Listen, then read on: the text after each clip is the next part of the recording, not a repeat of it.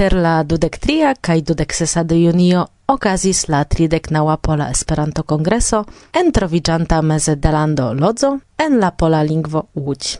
Partoprenis ĝin preskaŭ cent homoj, ne nur el Pololando. La Kongreso estis interesa ne nur pro la cultura parto de la programo kaj pro balotoj por nia nova estraro, sed ankaŭ el la turisma vidpunkto vidi kiel progresis kaj ŝanĝiĝis la urbo mem de mia lasta vizito tie. Crome gravis che finfine post longa pauso de la pandemio mi kai ne nur mi povis renkontigi vive con multai geamicoi. Bedaurinde ne kun ciui, sed ancora uvenos tempo. Revenante alla la programo, por la oficiala asocia parto temas pri priparolo de la nuna situazio de la asocio kai balotoi, estis dedicita aparta tempo. Rezulte, por la sekvaj triaroj elektita estis preskaŭ unuvoĉe, mi diru, nova, fakte malnova prezidanto Robert Kamiński. Ankaŭ mi aligis ala la estraro, ne nur czar pole oni nomas min aga, do oni supposas ke mi shatas agi, sed czar simple mi desiras helpi al evoluo de nia asocio. Cetere, la tuta estraro prescau ne shangigis krom tri membroi. Dum fluo de la tempo mi provos raporti al vi, kio nova ĉe la Pola Esperanta Asocio, ja ne nur en la estraro mi estas, sed ankaŭ en la redakcio de Varsovia Vento. Tamen nun mi revenu al la programo, en kiu, inter alie, oni povis ĝui post longa tempo kabaredan spektaklon de la Teatro Verda Banano. Vi audos post momento mikrofonan renkontiĝon de Irek kun Georgo kaj Sasha, kiuj ĉe la okazo prezentis ankaŭ siajn kantojn. Ni auscultis poezion de Halina Kuropatnicka-Salamon, muzikan prezentadon de la infana ensemblo Titka, in kai fotorakonto in de la asociaj membroj kai auscultis mez epokan kai renesansan muzikon de la lodza ensemblo Musica Perennis. Pri tio rakontos fondinto de la grupo mem, Marek Nahajowski, kiu krome konsentis prezenti la tutan registritan tiam koncerton kadre de ci programo. La concerto do aldone por tiu kiu ŝatas tiun specon de la preĝeja arto valoras aldoni ke ĉiuj kantoj prezentitaj dum la koncerto estis en Esperanto. La eventon subtenis ankaŭ tre suna, eble iom eĉ tro varma vetero, sed neniu kiu partoprenis ekskursojn laŭ interesaj vidindaĵoj de la urbo fakte plendis. Minerala akvo ankaŭ biero post fino de la programo ne mankis. Do, ce la fino, nome de cefa estraro de la Pola Esperanta Asocio, mi deziras saluti ciujn esperantistojn en la mondo kaj mesaĝi, kio ne okazu simple iru ni antaŭen. Dankon, Agnieszka. Malfrube sperau prescau nocte dum la congresse in Itali quelco pa gruppo esperantista giuis discuton pri homoranisma Discuton ecis la professoro per en condugo pri religi Existas pluraj vid vidpunktoj, tamen plej saĝan havas nur mi. Homo bezonas ja religion, kaj li ĉiuj bonas laŭ list, de sama Dio ni estas filoj, kristanoj, judoj, eĉ la budhist. Tamen budhistoj ne kredas Dion, tui offendigis lia neighbor, cae batis capum del professoro, per la minnaia granda vortar. Io virino tui prenis vocion, homaro vivos en pac cae san, se ciui homoi sin unuigos, sub sancta papo del Vatican. Cae por defendi la sanctan credon, la virinacio tui sen prudor, per sia mamo ses kilograma, batis visagion del professor. Nur ateistoi pravas en mondo, assertis ulo el la Paris, ciuin milito in historio, causis nur dogmoi de religi, egal fratezzo cae la libero, sancta za homo sed ne la di, cae batis ciuin contro dirintoin, anca vurtare, tamen per pif. Resumo de la discuto estas vundita mamo, de la virin rompita capo del professoro kai cae fracassitae vortaroi fin. Ce la matteno venis concludo che homoi povus vivi en paz nur se vortaro in tiom dicus cae homoi iris dormi cun laz.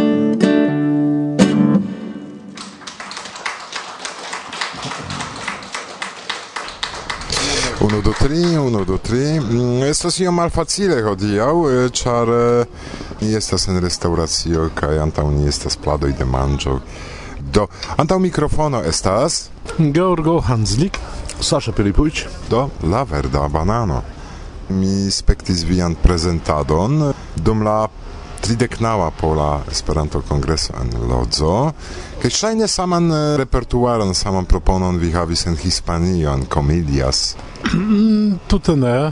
En Comilias oni decidis al ni donaci multe pli da tempo. Dum pola kongreso ni havis duono de tiu, do ni devis mallongigi la spektaklon. Vi diris pri Comilias kaj pri pola kongreso, sed ni premis nian kabaredon en Tel Aviv, en Izraela kongreso. tio estas la unua prezento. Yes, eh, ci foje Teatro Verda Banano faris kabaredan spektaklon, kiu consistas el diversai pezoi, sed kio estas io nova, ne nur eh, uh, miai tekstoj, sed ankaŭ du de kabaret moralnego niepokoju, verŝajne plej fama kabaredo en Pollando, ili konsentis pri traduko al Esperanton, do mi faris kaj poste ni ekzercis. Diable rete Sasha loĝas mil kilometrojn for de mi, do ni rete ekzercis kaj poste por kelkaj tagoj fine Sasha venis al mia hejmo antaŭ pola kongreso, sed antaŭ Israela mi venis al lia hejmo kaj ni devis exerci dum kelkaj tagoj gis la fino. Kabaret moralnego niepokoju havas specifan humuron polan. Ĉu vi trovis la tekston ridigaj? Absolute. Mi eh, trarigardis decoin da iliai pezoi, kai prescau ciui rilatas nur al Pollando. Do ne eblas traduki ilin, che homoi ridu en la sama momento, tio kio ridigas homoin en iu lando, ci foie en Pollando, foie povas offendi homoin de aliei culturoi. Do mi trovis du suffice internaziain, kai mi aldonis pezzetton da Esperanto kaj tio funkciis niam trifoje provis. Homo iridis en tuta mondo pluraj nacioj jam eh, en la samaj momentoj. En tiu skeĉo kun la pordo dextra maldextra, ĉu ne estas tiu epizodo kun porkoj. kaj tio mi pensis ke ne ĉiuj povas same kompreni. Eh, absolute klara kaj mi eĉ intervjuis estrinon de juda komunumo en mia urbo ĉu se ni komencas de Israelo? Kaj evidente israelanoj povus esti dum ĉiu koncerto. Ĉu ni povas? Ŝi diris Judo estas normalaj homoj kiel ĉiuj. Faru uh, tion ne ŝanĝu. Do ni ne ŝanĝis. La textoj i al vi? Absolute plaĉis al mi kaj estas komprenata en la serba lingvo. Ĉiuj eh, situacioj qui donas tiun kabaredon eh, estas clara en Polando en Serbio. Do estas interesa mm, fari cabaredon kun mia amiko Giorgo, kiun ni jam dek du jaroj ludas sur Esperanta scenejo en la tuta mondo. Ni eble parolu pri la lasta presentado en eh, Lodzo dum la Pola Esperanto Kongreso. Kiaj estas viaj impresoj pri reago de la publiko? La impresoj de la aktoroj ciam dependas eh, de la samo. Homoj bone komprenis Esperanton, tial ili ridis en ĝustaj momentoj, en tiuj momentoj pri kiuj ni antaŭe supozis. Kai simile, tre simile, estis en Tel Avivo, kai en Camillas, en Hispanio. Homoj comprenis, kai ridis, ĉar ni faris uh, sketchoin pri vivo de esperantistoj ĉefe do estis uh, ridinda kiam iu kongresano volas mendi kongresan ekskurson, sed li provas uzi telefonon por tio, kaj la tre moderna sistemo frenezigas lin, ĉar li ricevas nenion kaj devas multe multe batali kontraŭ la sistemo.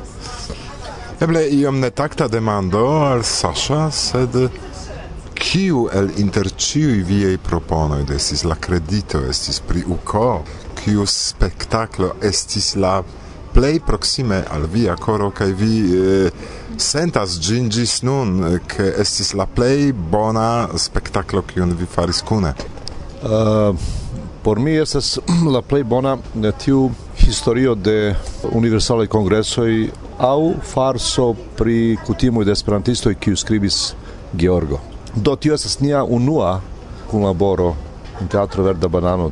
Tiam ni elpensis tiun nomon Verda Banano post nia ludo en Opava. ču estas Opava en čehio Post premiero. Post premiero en Opava, kiu okazis en Opava en medicina Esperanta kongreso antau nesias kiom dek, dek du, dek jaroj. Jes, tiam, uh, tio estas uh, vera interesa verko pri esperantistoj dum uni universalaj kongresoj. Tio estas mia mia favorito. Mi skribis preskaŭ ĉiujn tekstojn, do mi ne rajtas diri kiu estas plej bona. Do mi povas malkaŝi mian vidpunkton, al mi plaĉis la kredito. Hey. Tamen eh, ankaŭ vi interpretis ĝin en Esperanto, do vi ne rajtas diri. Do, eh, eble iaj planoj kaj eh, ni manĝu plano estis tie ke ni faru la e, novan spektaklon antaŭ du jaroj sed tiam aperis pandemio kaj kiam pandemio ŝajnas iom mal altiĝi liberigi esperantistojn tiam komenci ĝis antaŭ kvar monatoj milito en Ukrainio do ni devis attendi du jaroin por fari ion novan, kaj evidente nun ni ne havas planoin, ni preĝas ke finiĝu pandemio, ke finiĝu la milito, ke ni povu libere viziti kongresojn. Do nia plano estas eh, iri al quindex sesa uh, eh, Balta Congresso, tio okazas la naua de Julio, ni esperas ke ĉio estas en ordo dum nia vojaĝo kaj tio estas nia nova plano. Neniu alia. Proksime de la danĝera landlimo Koran dankon pro mm, nia mikrofona renkontiĝo. Bla bla bla.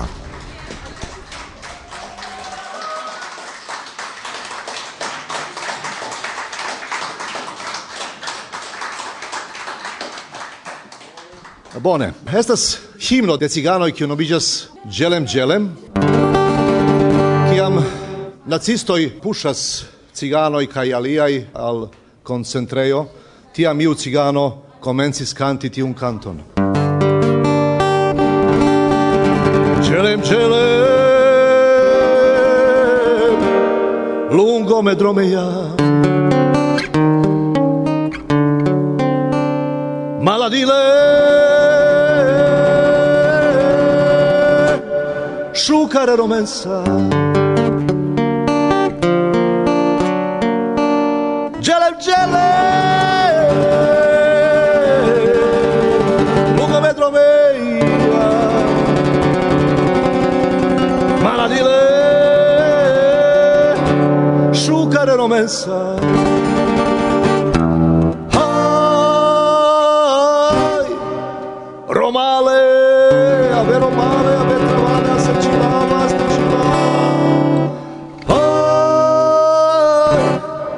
Chavalé.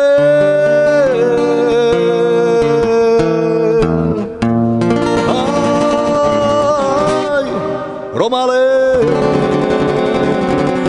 Ay, Chavalé.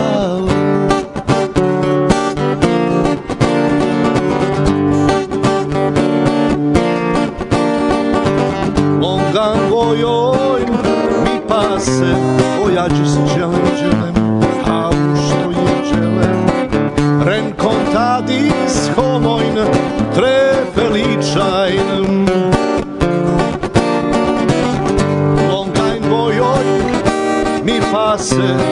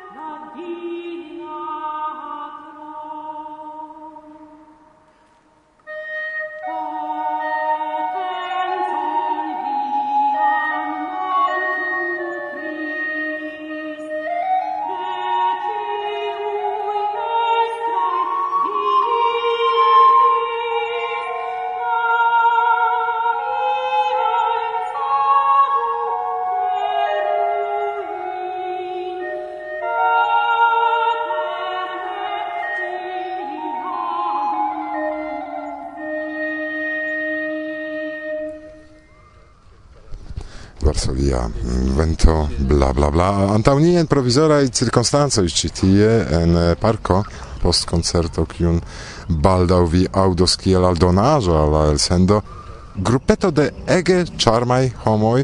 Saluton unue prezentiĝu. Saluton mi estas Magdalena. Saluton mi estas Justyna saluton mi estas Radosław. Kaj estro de la grupo? Saluton mi estas Marek. Kaj kiel grupo nomiĝas? musica perennis. Yes, eh, kaj kun estro de la grupo kiu antaŭ momento prezentigis, mi deziras paroli pri la ideo, pri la muziko kiun vi prezentas. Unue, kial vi esperantistigis, kial kaptis vin ideo de Esperanto? No, ĉi tio ideo fakte kaptis min kiam mi estis ankoraŭ infano, eh, kvankam en ĉi tiu eh, aĝo mi ne havis eblecon eh, lerni iun ajn fremdan lingvon, ĉar tiam mi havis ok jarojn, eh, kaj mi ne memoras precize kial kaj kiel mi aŭdis, kaj kiam mi aŭdis pri Esperanto. Plej verŝajne tio estis okaze de la fama kongreso de Esperanto en Varsovio in sepa jaro kaj probable ĉiu en la familio dumtempe parolis iomete pri Esperanto do mi kaptis la ideon sed eh, finfine mi komencis lerni la lingvon eh, tute ne antaŭ longa tempo do en eh, du 2010 dek kvin, se mi memoras bone kaj tio estis fakte tuta akcidento kaj mi kun mia plej maljuna filo estis parolanta ĝenerale pri lingvoj tiam li estis dek jaraĝa kaj finfine li statis demandon kial ne estas internacia lingvo kaj mi tiam rememoris min pri ekzisto de Esperanto kaj ni kune komencis lerni. Kiu estas ĉarmaj junaj homoj ĉirkaŭ ni? tiu homo estas miaj nunaj studentoj aŭ ekstudentoj. Do Magda estas ne precize mia ekstudentino, sed ŝi skribis ĉe mi sian majstran tezon kaj Magda kiu kantas. Magda kiu kantas ĝuste tiel kaj du alie junaj homoj estas miaj nunaj studentoj bekflutistoj. Kiu flutas kune kun vi? Jes, ĝuste ĝuste tiel ni ludis kopiojn de renesancaj bekflutoj, do ili estas iomete malsamaj se ni provos kompari ilin al ĉiu tiui conatai lerneia instrumentoi, kiu fakte estas tute mm, neuzeblaj por ajna artista programo, nur turmentas kompatindajn infanojn kaj gepatrojn. To kiam estis juna kiel ili, ne mi tiam elektis gitaron, kial vi elektis tiun renesancan muzikon?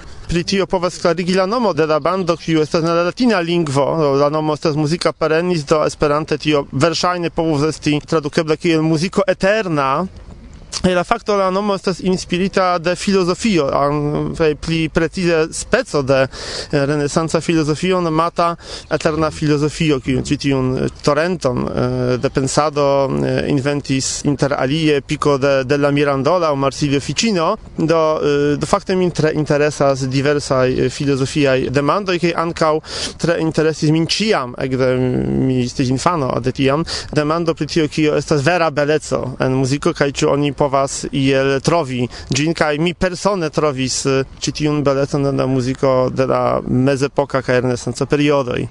Mi antaŭ anoncis, ke kiel aldonaĵo ni aldonos tiun koncerton, do ne ĉiuj eble ŝatos tiun muzikon, mhm. sed mi eh, forte rekomendas, ĉu vi povas rakonti iomete pri la programo de tio, kiun ni prezentos al la aŭskultantoj. Jes, la programo estis eh, bone organizita ĉirkaŭ la ĉefa ideo de la kongreso, ĉe kiu ni ludis do interkultura interkompreniĝos. Do la programo estis esence iomete respondo aŭ demando de ekumenismo en eh, kristana religio. Jes, ĉar vi antaŭ anoncis antaŭ la koncerto ke ne ĉiuj vi estas la katolika preĝejo, ĉu? Jes, mi jestem femine, estas la katolika preĝejo, faktem estas agnostiko, mm. se tio tute ne kontraŭas ke mi ne povu ludi ĉi tiun muzikon. Jes, al Dio estas unu, ĉu? Jes, ĝuste tiel, sed mi estas eble simile pensanta kiel Zamenhof, kiu parolis al ni pri potenco densa senkorpa mistero do tio estas mia credo. Mi mi ne povas sti kio dio estas. Mi ne povas esti ĉu li. Existas, sed tre probable li existas, do... logika, aŭ aŭ ŝi, ŝi. jes, ĝuste, a ri, eble ni estu pli modernaj, Eh, ĉi tiu stato eble Dio ne havas iun ajn sekson, estas ne, ne ebla, sed estas eh, por mi tute mallogike esti ankaŭ tuta ateisto, ĉar estas probable ke Dio povas ekzisti, do plej bona klarigo por mi ĉiam estis resti iomete neutrala.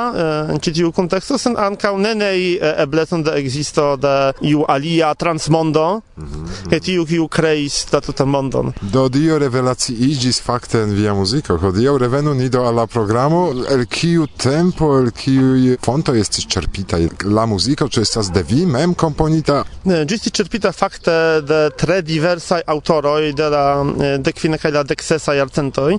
La plej malnova komponaĵo estis eh, por Maria Moteto Ave Maristella de Guillaume Difai, tio estis burgunda komponisto de la meza dek fina jarcento. La plej malfrua komponaĵo estis eh, iomete danc eh, moteto, se temas pri etoso, se tamen ci estis eh, eklezia. Muziko ci, ci tio estis eh, himno pangelingua de Giovanni Pierluigi da Palestrina, tre fama itala komponisto de la malfrua renesanco, kaj la fontoj eh, fakte estis trispecaj, la unuaj fontoj estis katolike de la dekvine kaj la deksesa jarcento, ciu fakte komponaĵo el ĉi tiuj fontoj estis traktita de ni iomete kiel unuopaĵo, do ciu el tiuj komponaĵoj venis el tute malsama fonto, kelkaj estis eldonitaj tiame en la deksesa jarcento de eh, famaj eldonistoj, kiel O- Ottaviano Petrucci, aliaj ekzistas en manuskriptoj, sed bon szance, danke al internetu, ni povas tre facile trovi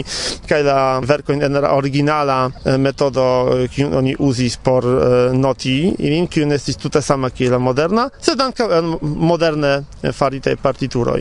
La dua fonto estis protestanta kaj pli precize luterana muziko germana la mezo de la deksesa eh, jarcento kaj la lasta kiun reprezentis nur unu Eh, verko tio estis patronia kiu estis eh, cantata en Wroclavo ĉe la fino de la deksesa jarcento kun pola teksto ĉar ankaŭ tie estis polaj luteranoj en ĉi tiu tempo kaj mi tre volis eh, uzi ĉi tiun anoniman patronian por la koncerto por povikandi ĝin kun la traduko de Zamenhof mem ĝuste vi aŭdos tiujn kantojn en la lingvo internacia en Esperanto.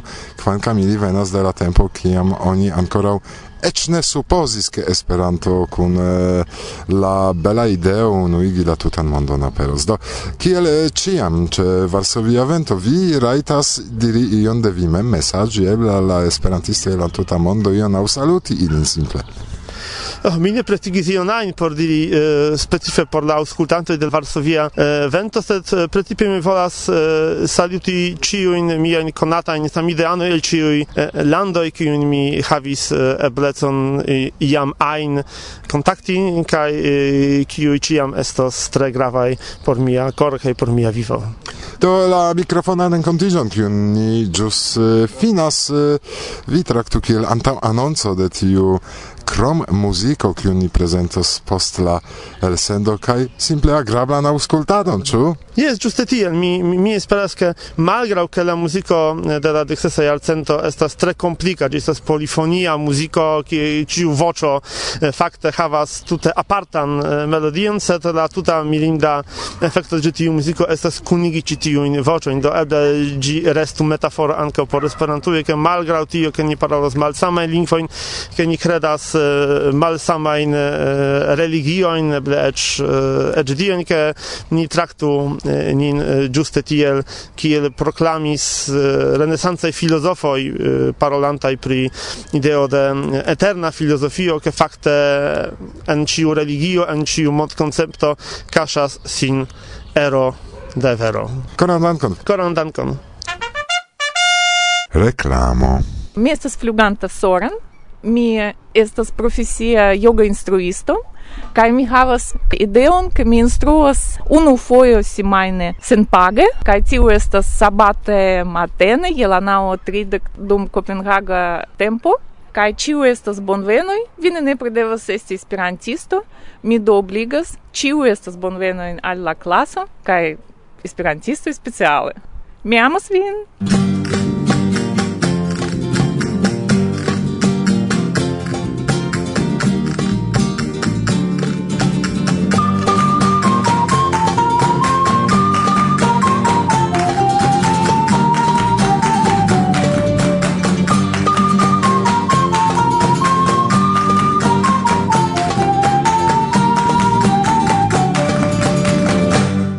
State ascoltando Varsovia Vento, bla bla bla.